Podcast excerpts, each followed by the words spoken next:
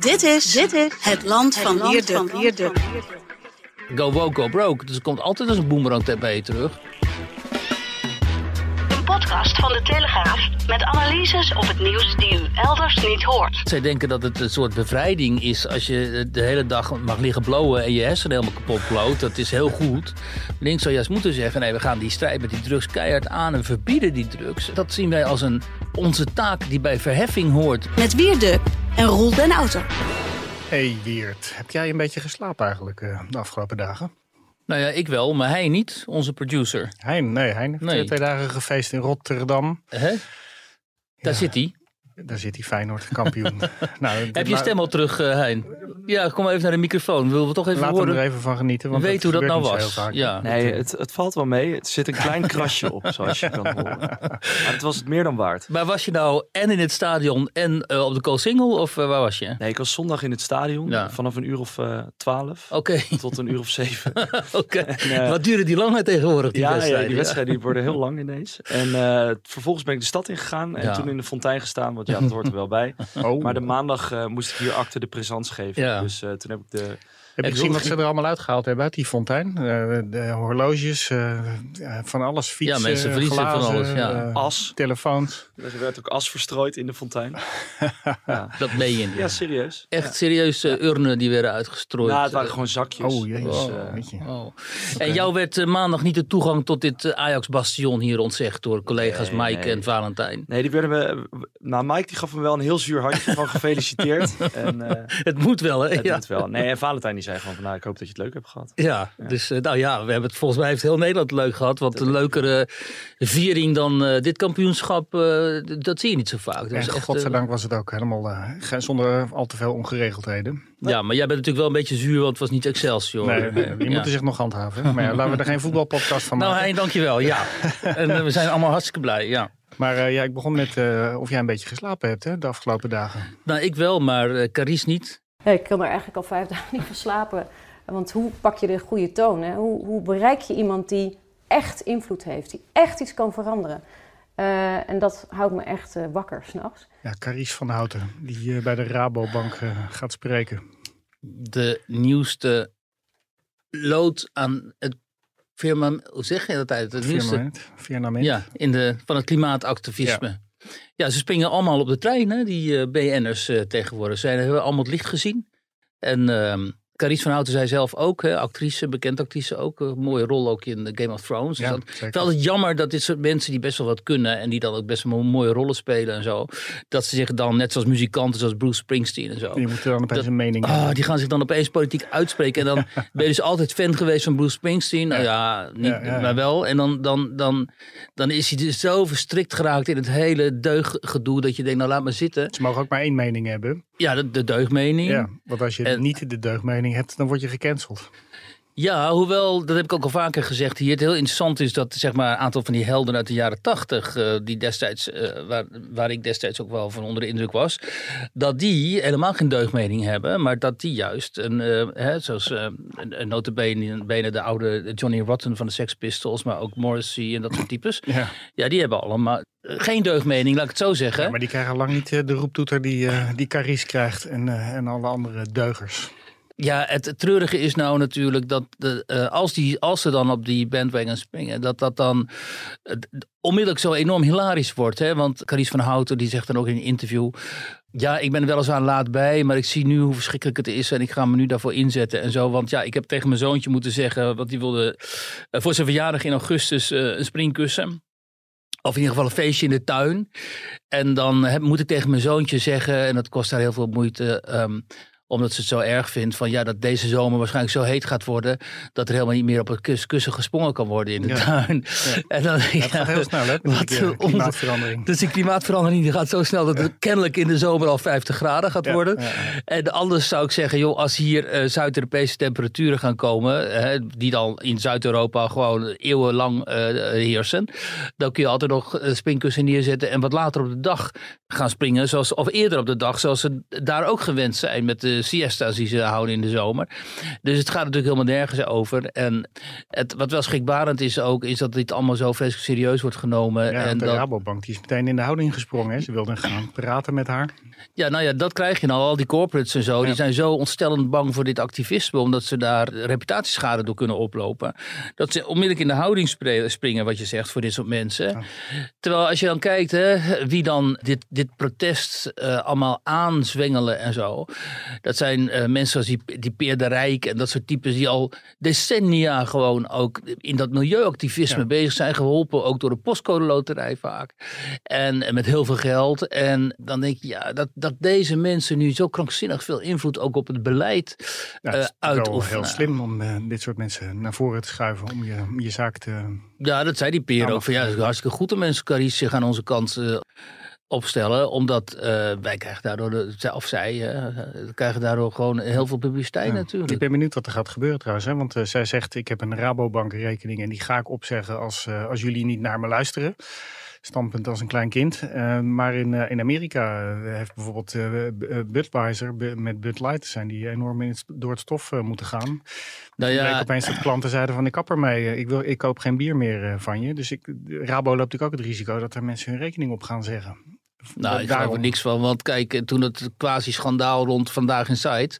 Dat moest er ook van de buis en zo, bla bla. Nou, die adverteerders die vonden het allemaal Ja, maar helemaal geen goed idee. Ik Dus, wil juist boeren en tuinders die, die, die lid zijn van de Rabo, want dan ben je lid van de Rabo volgens mij.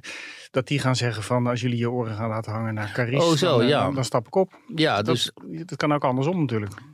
Ja, oh, dat voorbeeld bedoel je. Ja. Ja. dat kan heel goed eh, natuurlijk. altijd. Dat- nou ja, go woke, go broke. Dus het komt altijd als een boemerang bij je terug.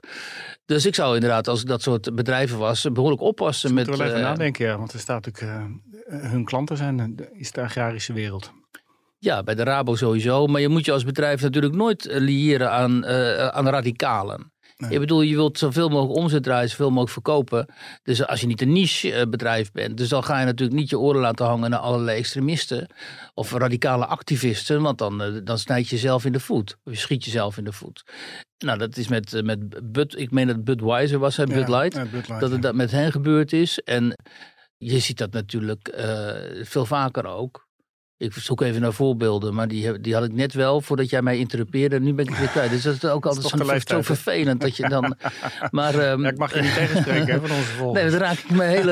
heb iets in mijn hoofd en dan raak ik het helemaal kwijt. Ja, ik moet mijn linkse agenda ook even kwijt. hè. Ja, ik eh, merk het. Dus steeds vaker eh, onderbreek je mij op cruciale momenten, inderdaad. En, ehm, maar goed, ehm, ja, we, weet je, we zullen het zien. Het is ook weer zo'n hype. En oh ja, dat wilde ik zeggen. Ze, deze mensen hebben toch ook allemaal destijds aangekondigd. toen Elon Musk eh, Twitter overnam. dat ze allemaal massaal naar Mastodon. of weet het over zouden ja. schakelen. Nou, eh, helemaal niemand van die mensen zit eh, niet meer op Twitter. Want ik zie ze, al die mensen die toen op de hoge toon aankondigden weg te gaan. die zitten er allemaal Ja. nog. Ja, maar die zijn er gebleven omdat jij er bent gebleven. Vanuit en ze moeten jou natuurlijk kunnen bestrijden. Nou ja, precies. Ze zitten nog altijd in een loopgraaf bommetjes naar mij te gooien. Hè? Dus Terwijl ik dacht, nou mooi ben ik van hun af. Ja, hè? Die, Erik. Smit en dat soort types en zo. Maar nee hoor, ze zitten er nog altijd. En ik geloof dat ze elke week toch weer een keer zeggen... ja, ik zit nog te kijken hoe het daar gaat. Nou weet ik, het, is ook allemaal, het heeft ook allemaal niks om het lijf. Maar de hypocrisie van deze mensen, ja, die is zo groot. Dus ze doen ook toch, toch, toch nooit wat ze aankondigen op, op een enkeling na. En die verdwijnt dan gewoon in het zwarte gat van de geschiedenis. Hoor je ook nooit meer wat van. Dus dan Ja. heeft dat hele activisme heeft dan ook helemaal geen, geen, geen zin gehad.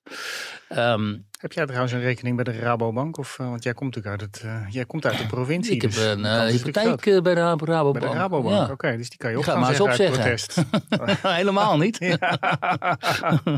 Ja. geen sprake van. ja, ik weet niet of zij de laagste rente vragen, maar... Nou, dat, was, destijds, was dat, destijds was dat een hele prima rente. Maar tegenwoordig zou het ongelooflijk, ongetwijfeld anders zijn.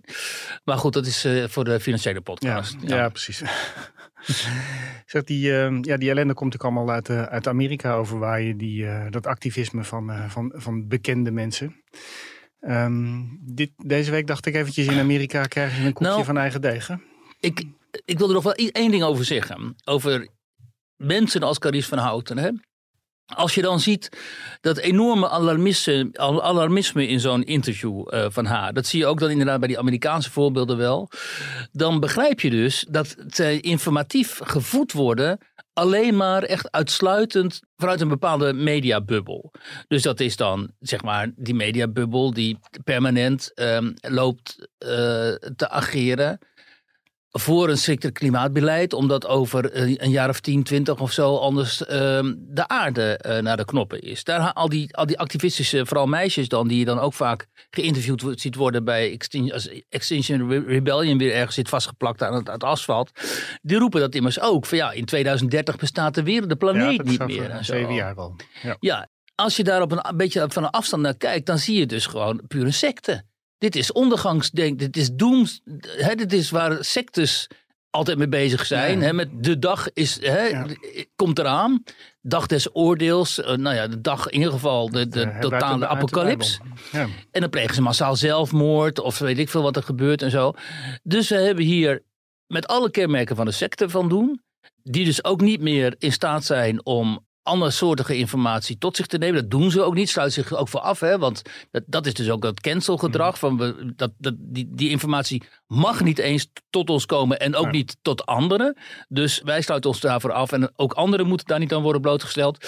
En ja, dat is allemaal prima en zo. Mensen moeten doen wat ze zelf willen. Maar dat moet natuurlijk niet de mainstream worden. En het moet ook niet inzet uh, van uh, beleid worden. Maar het probleem nu is dat ook politici en beleidsmakers, ambtenaren en zo, zich ook hebben bekeerd tot die secte eigenlijk. En van daaruit hun sectarische opvattingen willen uitrollen over de rest van het land. Waar heel veel mensen staan zoals wij, die denken, ja, wat krijgen we nou? Hè? Die met gewoon met ogen op schoteltjes eigenlijk, eh, met enige verbijstering, dit allemaal moeten gadeslaan. Maar zij baseren zich altijd op de wetenschappen. Nou ja, dat, een bepaalde wetenschap hè, en andere wetenschappers die dus iets anders beweren, zoals bijvoorbeeld Anna Jaspers, eh, met, die natuurkundige is en die dan een ander geluid laat horen over de stikstofkwestie bijvoorbeeld, ja, die moeten dan gecanceld worden, net wat ik zeg. Dus andere geluiden zijn niet welkom, nee. Wetenschap is natuurlijk nooit absoluut en ook over het klimaat en de, de mate waarin het klimaat verandert en of de mens hier überhaupt iets aan kan doen en of hier iets tegen kan doen en de, de, hoe zinvol het is of als Nederland zulke radicale maatregelen neemt terwijl in China weer allerlei steenkool uh, ja, en uh, India. Ja, worden geopend. Uh, um, die vraag moet je natuurlijk stellen, maar die stellen ze helemaal niet meer. Ja. Ze denken dus alleen maar vanuit morele en um, overwegingen en handelen in een staat van paniek. Ja, en dat zet natuurlijk uh, feitelijk helemaal geen zoden aan de dijk. Maar ja, daar hebben we ons wel mee te verhouden helaas. Ja, ik las deze week ook dat we worden allemaal in een elektrische auto gejaagd. En uh, de, ja, de stroom van die elektrische auto's moet allemaal komen van centrales die nog even snel moeten worden opgestookt met gas en met kolen. Om maar die elektriciteit te kunnen leveren. Om al die elektrische auto's te kunnen laten rijden. Ja, ook dus de dat. komende tien jaar ben je nog helemaal niet uit, uit dat probleem. Dus we gaan alleen nog maar meer vervuiling creëren. Ja, en sowieso ook natuurlijk de tools voor die elektrische auto's, hè, de, de accu's en zo. Ja, dat wordt allemaal, dat is allemaal afhankelijk van de arbeid van jonge kinderen in Afrika die daar worden uitgebuit om die grondstoffen daarvoor te winnen. Dus je, wij kunnen wel mooi, heel deugdelijk en uh, duurzaam in een elektrische auto gaan rondrijden. Maar ondertussen benadelen wij daar dus minderjarige kinderen in Zwart-Afrika heel erg mee. Ja. Dus ja, de hypocrisie uh, is uh, in, dit, in deze gevallen um, ik was, hoogtij. ik was vorige week nog in, uh, in Frankrijk in een stad en daar uh, u moest een speciale milieusticker aanschaffen om in die stad überhaupt te mogen rijden in uh, Frankrijk. En die steden rijden helemaal vol met oude Franse diesels en die oh, ja. helemaal geen elektrische auto's. En, ja, hopeloos. het is echt allemaal heel, heel hypocriet. We gaan over naar uh, Amerika, over hypocriet gesproken. Want uh, daar is een Durham-rapport is uitgekomen. En daar is een hele hoop gedoe uh, weer over ontstaan.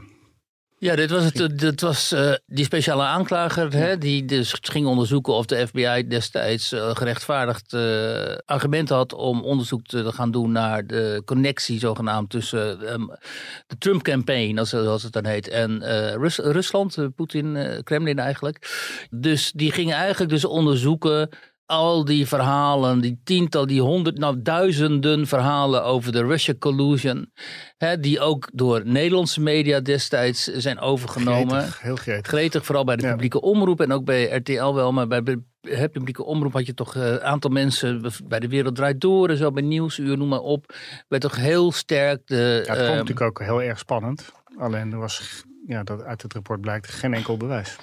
Uh, nee, nou ja, destijds was dus in de journalistiek het bon ton om het op te nemen voor Ja. degene die Trump ervan beschuldigde dat hij in het zak van Poetin zat. Daar kwam het op neer, omdat die Amerikaanse media eh, zo duidelijk ook dit suggereerden. En je had een aantal mensen, zo die Adam, Adam Schiff en zo, dat soort types in de Verenigde Staten, in de, in de Amerikaanse politiek, die dit ook bleven zeggen. Dus het hele presidentschap van Trump is eigenlijk gesaboteerd door deze aantijgingen. Waarvan als je, als je een beetje gewoon met een enige afstand keek. En iemand als Leon de Winter bij ons die deed dat ook in zijn columns. Als je met enige afstand daarnaar keek, dan was volstrekt duidelijk al, eh, al heel snel dat dit gebakken lucht was. Dat- omdat ook al heel snel duidelijk was dat van al die aantekeningen, de aantekeningen over die invloed van eh, de Russen weinig overbleef dan het kopen van Facebook-advertenties voor, voor, ik meen, 20.000 dollar of zo. Of. Ik weet niet meer precies het bedrag, maar heel weinig. En voor de rest gewoon niks. Terwijl we bezig waren destijds, aangejaagd door die activisten daar in die Amerikaanse media en in de politiek. New York Times er Ja. eh, gaan mee. Hè? Vooral New York Times, CNN natuurlijk, Ja. MSNBC. Met de vraag, wij waren dus bezig met de vraag of Trump dan geflankeerd door prostituees. eh, die over elkaar heen gingen plassen en zo in een, in een hotelkamer. Ja. Dat soort dingen werden daar avond na avond na avond eh, over ons uitgestrooid. En, en gretig, zoals jij zegt, overgenomen ook hier. Ehm, zonder enige matiging eh, ook. Want Trump natuurlijk, hè, eh, Orange Bad Guy, die moest worden aangepakt. Waardoor er ook in de. Kijk, natuurlijk, Trump is gewoon echt een hele rare figuur natuurlijk. En, en, en, en volstrekt immoreel ook. Zijn persoonlijkheid heeft niet echt meegeholpen. Nee, zijn persoonlijkheid enzovoort. Maar als je keek naar beleid. Als je keek naar beleid, dan zag je dat hij eh, confrontatie met China aanging. Hij haalde de, de, de maakindustrie haalde die terug naar de, de Verenigde Staten. Hij voerde geen oorlog, had geen zin in oorlogsvoering.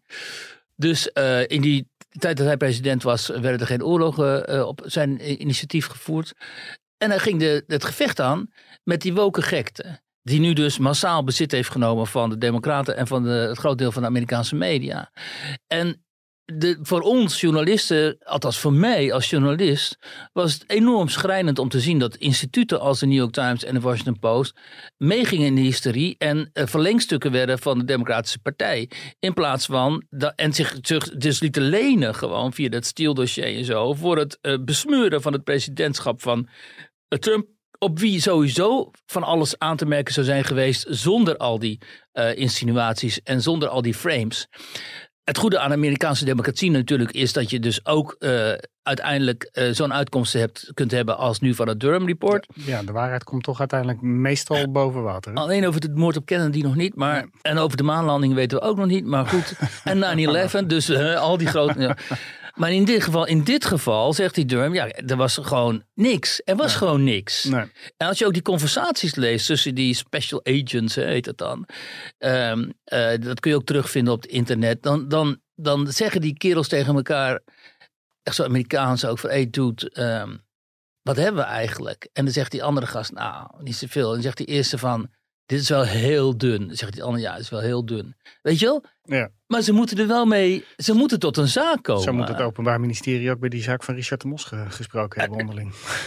Die Nou, dat, mag je, dat denk ik helaas niet. Omdat ze dus per se de mos wilden veroordeeld krijgen. ja, ja. Maar het is een soort dat is- gelijk. Dat is een soort gelijk. En er zullen ongetwijfeld medewerkers hebben gedacht van... Jezus, we zijn hiermee bezig, man. Maar van, van bovenaf werd het dus gestuurd. Net zoals die FBI van bovenaf werd gestuurd. Er moest een zaak komen. Terwijl tegen Clinton, Hillary Clinton... die weet ik voor 30.000 e-mails of zo van haar server had verwijderd. Weet je nog? Ja. Eh, daar, kwam, daar, hè, daar, daar kwam uiteindelijk niks uit. En om even erboven te gaan hangen... Wat zie je nu gebeuren ook in, op Nederlands Twitter bijvoorbeeld? Hè? Dat je dan de collega's die dan destijds zo vol overtuiging wisten te melden Mhm. Ja, aan de talkshowtafels en zo. Ja. Van eh, nee, dus uh, waar rook is vuur Ja. en zo. Die, die komen nu niet, gewoon niet terug op hun woord. Die zeggen, ah, dit rapport, ja, het stelde, we wisten het allemaal al. En het stelde niet zoveel voor en zo. En ik, Jezus man, weet je, eh, je kunt toch toegeven. Luister, ik heb voor die invasie van Poetin in de Oekraïne uh, ook bij Vandaag in Zuid gezegd van nou, ik denk niet dat hij voor Kiev gaat. Ik denk dat hij alleen voor de, de Donbass gaat en daaronder en zo. Uh, de volgende dag valt hij in, staat een kolonne bij Kiev, weet je wel. Dan kun je toch zeggen, ja, dat had ik niet verwacht. Hè?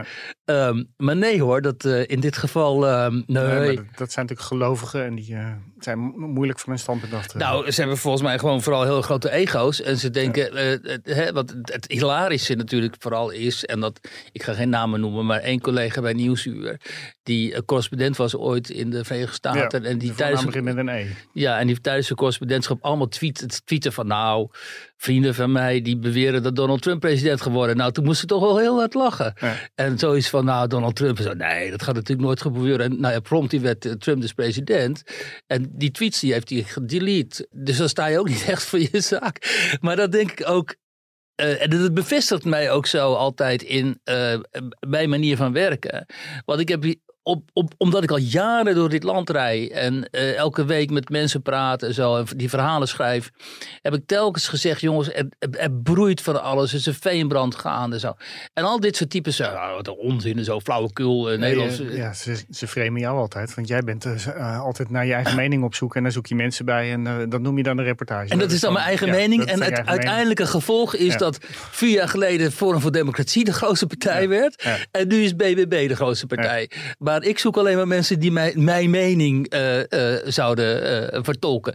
In plaats van dat, en shoot the messenger is dat dus. Hè? In plaats van mm. dat ze dachten destijds, en ook die mensen allemaal in het politieke en media establishment en zo. In plaats van dat ze begrepen en zagen van, wow, er is wel wat aan de hand. Moeten we dat zelf ook niet gaan doen? Moeten we zelf ook niet met die mensen gaan praten en naar hen luisteren in plaats van hen zwart te maken? Net zoals dat een paar Amerikanen dat destijds deden eh, in dat geweldige boek ook over Flyover Country. Notabene linkse Amerikaanse journalisten, en een paar zijn er van uh, geweest, die gingen het land in en die kwamen bij al die mensen uit die werkloos waren geworden omdat de industrie verplaatst was naar China. Die die steden teloor hadden zien gaan omdat de industrie wegtrok die die onder eh, de Democraten hartstikke arm en verpauperd raakten. En ook nog eens een keer werd hen verteld, zoals D66 ons vertelt, wat ze moesten vinden, wat ze moesten denken. Dat de Democraten fantastisch zijn. En dat ze hun mond moeten houden als zij uh, willen opkomen voor hun eigen uh, geschiedenis en cultuur en tradities. En in die boeken is beschreven hoe uiteindelijk dat Trump-presidentschap kon ontstaan. Namelijk daardoor. Net zoals dat ik de pretentie heb, althans de afgelopen jaren te hebben beschreven. Waardoor uiteindelijk zo'n boer-burgerpartij zo groot kan worden. En dan zou je toch bij jezelf te raden moeten gaan en denken. Wat hebben wij gemist? Ik ben, ja, dat, moeten, ik ben journalist, ik ben correspondent. En op het moment suprem zeg ik van, nee, die Trump, nee joh, dat, nou, dat, dat, wordt hem niet. Dat doen ze niet. En ze blijven nog steeds ontkennen. Maar de, in de post staat eh, Trump nu weer glorieus voor. Nou, die gaat natuurlijk als... Als, die, ja, als de, de tegenpartij zich zo blijft ingraven, dan heb je natuurlijk kans dat weer precies hetzelfde gaat gebeuren eh, met de verkiezingen. Dat uh, Trump daar uh, een flinke overwinning kan gaan boeken. Nou, ik denk, ik ben inmiddels zover dat ik denk dat het onmogelijk is. Ik denk dat, net als dat in Nederland onmogelijk is, dat, nou dat ga ik niet zeggen, maar dat het wel heel erg moeilijk zal worden voor Caroline van der Pas om premier te worden. Ja denk ik dat het bijna onmogelijk is voor Trump om het presidentschap weer te winnen, omdat de, uh, ze leren niks. Uh, ze, de stellingen verharden alleen maar. De haat wordt alleen maar groter. En ik denk dat als hij inderdaad kandidaat gaat worden voor de Republikeinen, heeft hij ook binnen de eigen partij heeft hij natuurlijk heel veel tegenstanders. Ik denk dat de sabotage zo enorm gaat worden en dat, uh, dat het establishment gaat, uh, gaat uh, redeneren dat Trump staatsgevaarlijk is. Ook sinds natuurlijk die 6 januari, dat die, aan, aan, mm. die bestorming van het kapitool. Dat ze hem, hè, je hebt het over de, de deep state hier, hè, wat dan de, de deep state wordt genoemd, maar dat is gewoon het establishment. De gevestigde orde, de, de, die dynastieën in de politiek. Je, je kent het wel, wat in Nederland ook gewoon bestaat. Uh, en die hebben hun wortels hè, en hun tentakels in al die instituties. En ja, al, hè? ja de Winia's Week toevallig een aardig uh, verhaal over. Uh, nou, bijvoorbeeld, over, precies. bij Sibinia. 66 een beetje geanalyseerd over waar die allemaal aan. Nou, dat zijstapje kunnen we even maken nu. Want ik, ja. ik wilde dus zeggen dat, dat zij gaan dus verhinderen met. En ze gaan ook hun bevriende media vol inzetten om iets te vinden waardoor dat Trump-presidentschap onmogelijk eh, zal worden. Dus ik, ik denk dat hij het niet gaat redden. Hij heeft ook niet voor niks natuurlijk verloren van Biden die laatste keer. En in Nederland inderdaad wat je zegt bij Winius Wekers, en dat moeten mensen even lezen. Een mooi verhaal van Bosma, Martin Bosma. Ja. Dat is eigenlijk gewoon de speech van Bosma in het parlement over eh, het lobbykantoor D66. Ik zie wel eenzijdig van Martin Bosma, maar een fantastisch verhaal als je het leest. En je- dan denk je, wow. zo. Nou, dat is dus het kantoor van die Frans van Drimmelen. Dat is dus Ja. zeg maar de kingmaker van Ja, eh, Dreugen En D66. Van Drimmelen, lo- lobbykantoren. Ja, lobbykantoor. En die van Drimmel heeft dus een hele invloedrijke spin in het web in D66. Die bepaalt eigenlijk eh, wie wat wordt. Eh, hè. Dus zelfs Pechtold heeft volgens mij geloof ik toegegeven dat hij door, door Van Drimmelen op het, eh, op het podium is gehesen destijds om eh, D66 te gaan leiden. En eh, Bosma die heeft dan in die speech maakt dus alle lijntjes, het hele spinnenweb zeg maar, van D66 lobbyisten. Dat legt hij eh, bloot en lang nog niet alles natuurlijk, maar wel voor een groot deel. Ja, en dan zie je ook hoe corrupt het kan zijn. Ik kreeg zelf ook nog net iets toegestuurd over een D66, D66 wethouder. Die dan een D66 bevriende projectontwikkelaar eh, iets toeschuift. Hè, omdat ze, want ze, ze keuren altijd hun eigen vlees. En dit klinkt een beetje cryptisch allemaal misschien. Maar als je dus heel veel D66-ambtenaren in ministeries hebt. en je hebt heel veel D66-lobbyisten om je heen. en je hebt eh, iemand zoals Ollongren en zo. die jij als lobbykantoor ooit eh, zeg maar hebt uitgekozen om belangrijk te worden in die partij. en die zit op een ministerie. dan is het natuurlijk heel makkelijk eh, voor zo'n lobbykantoor om daar. Eh, toegang te krijgen en vervolgens voor die minister om die D66-ambtenaren mee te krijgen in die plannen, die immers ook geschreven zijn door D66. Dus het- de, de invloed van die partij, die zo langzamerhand, en natuurlijk ook desastreus is, maar we hebben het al eerder over gehad hier, in, in hun radicalisme, die is zo eh onevenredig groot met het aantal zetels dat ze halen, en zeker het aantal zetels nu in de peilingen, dat het heel goed is om dat af en toe bloot te leggen, omdat je dan ook ziet eh, hoe die netwerkcorruptie, waar, in Nederland, eh, waar Nederland zwaar onder leidt, hoe zeer die ook besluitvorming bijvoorbeeld eh, beïnvloedt. Maar Martin Bosma heeft het nu allemaal op een rijtje gezet. Dan zal er, dat zal natuurlijk afgedaan worden van, ja, Martin Bosma, Ja, goed, maar als je feiten op een rijtje zet, dan laten ze dan maar die feiten betwisten. En als ze dat niet kunnen, dan is het gewoon een eh, feitelijke opsomming waaraan je zelf maar je conclusies eh, moet verbinden. Kijk, om terug te komen op dat eh Durham Report uiteindelijk. Het zou fijn zijn als ook in Nederland dit type, zeg maar, rapporten verschijnt. En dat, dat er dan dus consequenties aan worden verbonden. Omdat destijds bijvoorbeeld ook die toeslagenaffaire. Hè, dat, dat kabinet heeft toen wel gezegd van nou ja, dit is wel helemaal heel, heel, heel, heel erg en zo. Ja. Eh, en is vervolgens in een eh, nieuwe vorm gewoon weer in een coalitie verschenen. En de enige die daar consequenties heeft verbonden is Lodewijk Asscher. Die nu een of ander. eh, eh, ja, natuurlijk ook weer een nieuwe. Ja, doet hij niet iets voor de Europese Unie in, in? Dus die heeft natuurlijk ook weer een nieuw baantje toegeschoven. Het is ook allemaal zo, zo voorspelbaar. Hè? Dat ehm, al die namen die je telkens weer ziet terugkomen. Weer op nieuwe posities. Weer in een positie in maatschappelijk middenveld en zo. Van hoppen van de Kamer naar dit, naar dat. En dan weer dat. En dan. Dit Ja, is, maar dat werd vroeger natuurlijk altijd gezegd van het CDA.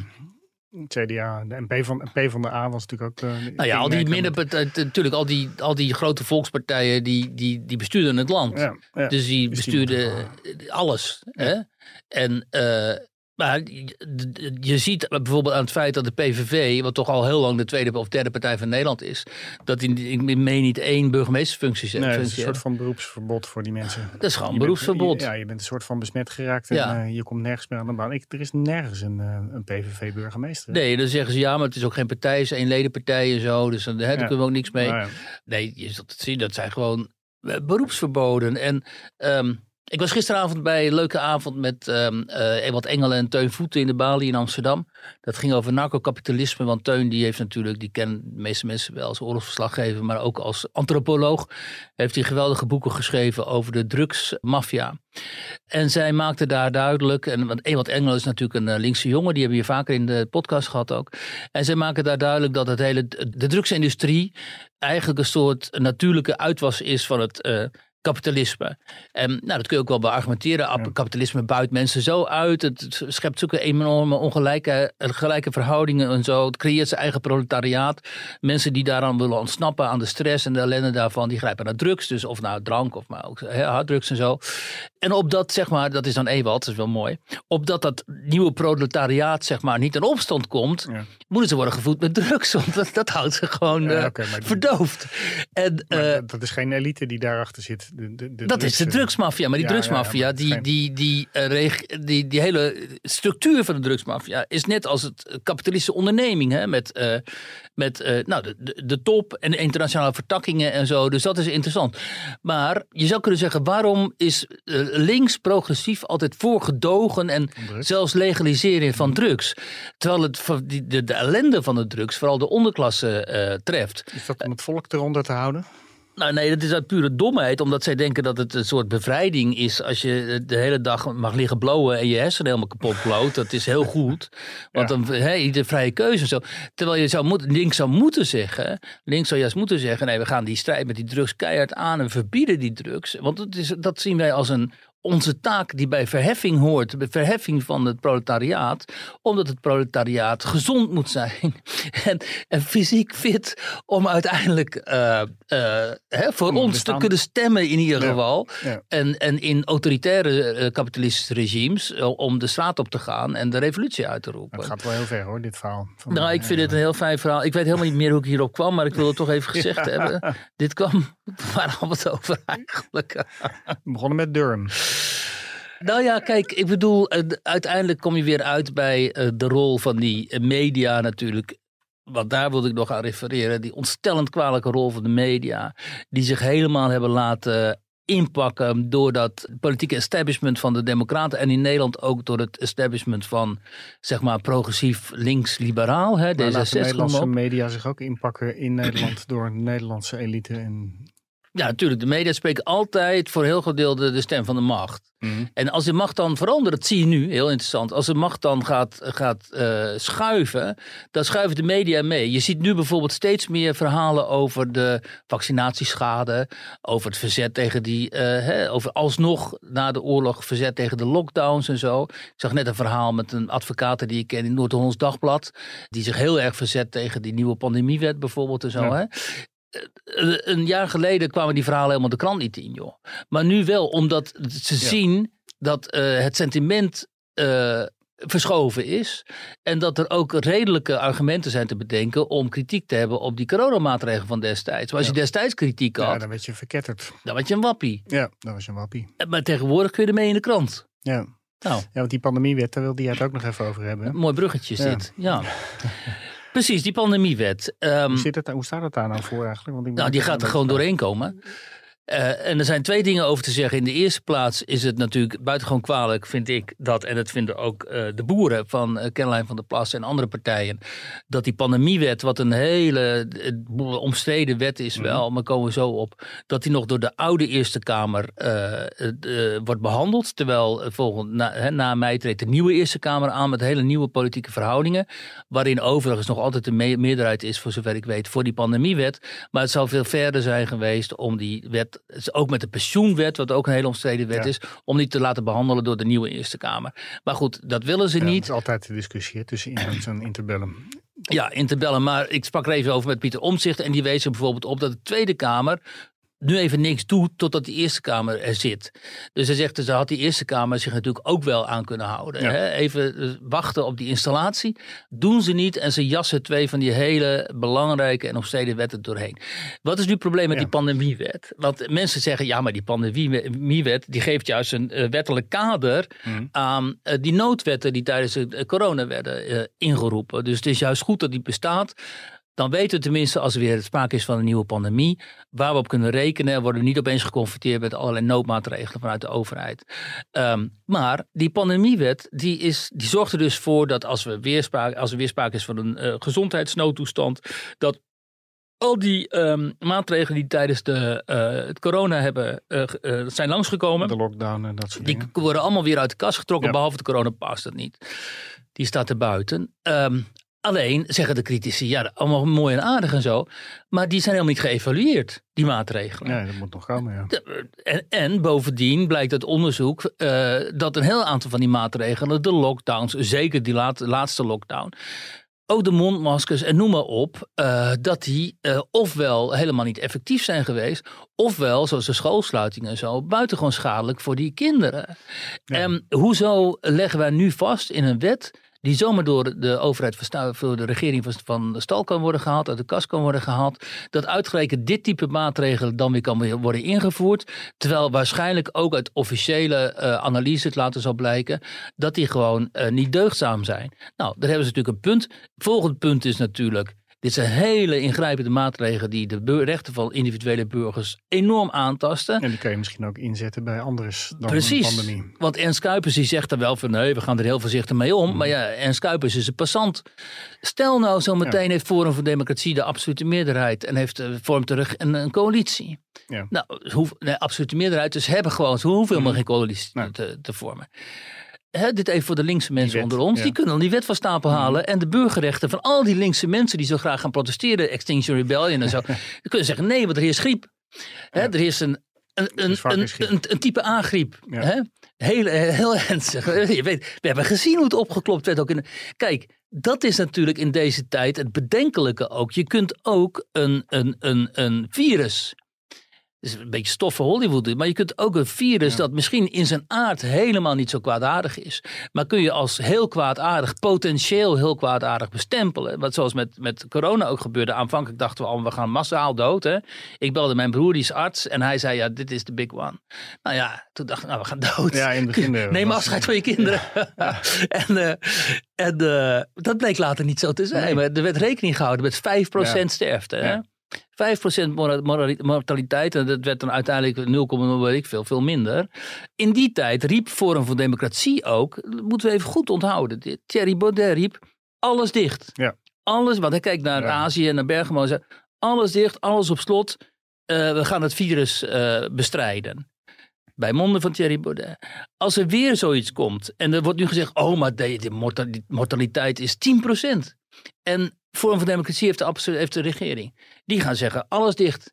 En die mensen van Extinction Rebellion en zo, of die de straat op willen gaan, bijvoorbeeld opsluiten. Preventief. Nou, ik zou niet voor zo'n wet stemmen, want je weet, je weet niet eh, hoe die misbruikt zou Dit kunnen klinkt als een worden. eh, slechte film met Carice van Houten in de hoofdrol.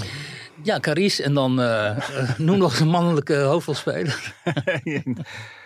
nee, ik heb Ja. geen- eh, Bruce Ja, Springsteen. Hiep Stapel in de eh, rol van een of andere falende minister. Ja. Oké, zo we zijn alweer een eh, minuutje of eh, 38 Oh, ja. eh, ondergang en je, eh, onderweg. En ehm je had nog een eh, hele grote boosmaker. Hè? En eh, waarvan ik me heel Twee boosmakers. Ja, want ik kan me heel goed voorstellen dat je daar eh, boos over werd. In Almelo, daar is een eh, Afghaans gezin. En dat, eh, die konden een huis krijgen in, eh, in de buurt van uh, Zee Nee, is een Zeeland. Afghaans gezin met acht kinderen en die hadden een huis in Zeeland. En nu blijkt uit de berichtgeving, ik heb er zelf niet achteraan gebeld, dus ik moet afgaan op de RTV Oost, dat ze dus een kind hebben met een hazenlip. Nou, Ja. kan gebeuren. En die heeft dus medische zorg nodig. Ja. Hazenlip, denk ik, operatie, een paar keer eh, nog eh, voor controle en klaar. Ja. Maar ze zaten dus in de provincie Zeeland en zij vonden, we hebben geen auto. Het is veel te ver naar Rotterdam, want daar is dus het eh, Ro- Rotterdamse Ja. medisch centrum. En eh, dus dat gaan we niet doen. We willen elders dichter bij een ziekenhuis eh, gaan wonen. Toen zijn ze door COA geplaatst in Almelo in een hotel. Mhm. Hotel, hè? niet iedere Nederlander eh, kan zich permitteren om in een hotel te wonen. En de rechter is nu meegegaan in hun bezwaar. Dus de rechter die heeft geoordeeld dat zij terecht bezwaar hebben aangetekend tegen die vestiging daar in Zeeland. En dat het COA ervoor moet, voor moet zorgen dat ze dan, of dat in ieder geval de, degene die daarvoor, de uitvoeringsinstantie die die huisvesting regelt, dat die ervoor moet zorgen dat zij dus in de buurt komen van een eh, ziekenhuis vanwege dat kind met die hazenlip. Nou, dat vind ik zo'n ontstellende boosmaker, omdat er zijn zo enorm veel Nederlandse gezinnen die nauwelijks het hoofd boven water kunnen houden. Die ook heel ver van ziekenhuizen afwonen. Die als een kind naar het ziekenhuis moet, dan moet de man of de vrouw vrijnemen. Of de vrouw vrij, vaak alleenstaande eh, eh, moeders met kinderen. eh, die heeft dan even een dag geen inkomen omdat ze met kinderen naar het ziekenhuis moet en zo. Die kunnen allemaal niet een beroep doen op de rechter, weet je wel. Die tegen hen zegt, oké, je hebt recht op een, op een onderdak dichter bij een ziekenhuis. Dus al die Nederlanders die sowieso al zich totaal overrompeld voelen door die invasie van vluchtelingen, asielzoekers, noem maar op, immigranten, gelukzoekers ook voor een deel. Die, worden, al- die lezen dit en die worden alleen nog maar bozer. En dan Ja. komen ze bovendien ook nog eens in een eh, lokaal medium in Barendrecht het bericht tegen. Dat daar in het plaatselijke asielzoekerscentrum iedere asielzoeker voor omgerekend 52 euro per dag eh, te eten krijgt. Terwijl die, eh, die bijstandsmoeder met haar kinderen eh, voor 3, 4, 5 euro per dag. eh, 52 moet euro per persoon per dag. Ja. En dan is dus een ketenaar, die loopt er helemaal op binnen. Die Ja. krijgt, er wordt gewoon een miljoen euro per jaar uitgegeven voor, ik weet niet, 50 asielzoekers. Voor, eh, Die mensen krijgen dus niet een, een, eh, een, een, ehm, een boterhamzakje met een paar boterhammen. Maar nou, dat- ik denk dat die gewoon... 50 eh, euro, daar kan je een aardig eh, feestmaal van eh, bereiden. Ik denk dag. dat die eh, gewoon een eh, kok in dienst hebben. Zo. Ik heb hier het eh, bericht eh, voor mij. Als je een moment, als je me even geeft, even de, de cijfers. Hè. Ruim 236.000 e- euro voor het eh, eten. Dat is omgerekend voor 52 euro per persoon per dag aan eten. Nou, volgens Nibud schrijft ook de ba het Barendrechts Dagblad. Wel leuk om eens een keer voor het Barendrechts Dagblad hier reclame te maken. Volgens Nibud kost eten per dag 8 euro per persoon. En daar kost het dus 52 eh, euro per persoon. En die cateraar, dat zoek ik nog even Ja, op. zeggen, die, eh, dat is degene die het meeste eraan verdient. Die vangt 2600 exclusief BTW per dag. Dus dat is 18.200 euro per week eh, vangt die cateraar. Want het gaat om een buffet voor 50 ehm, personen.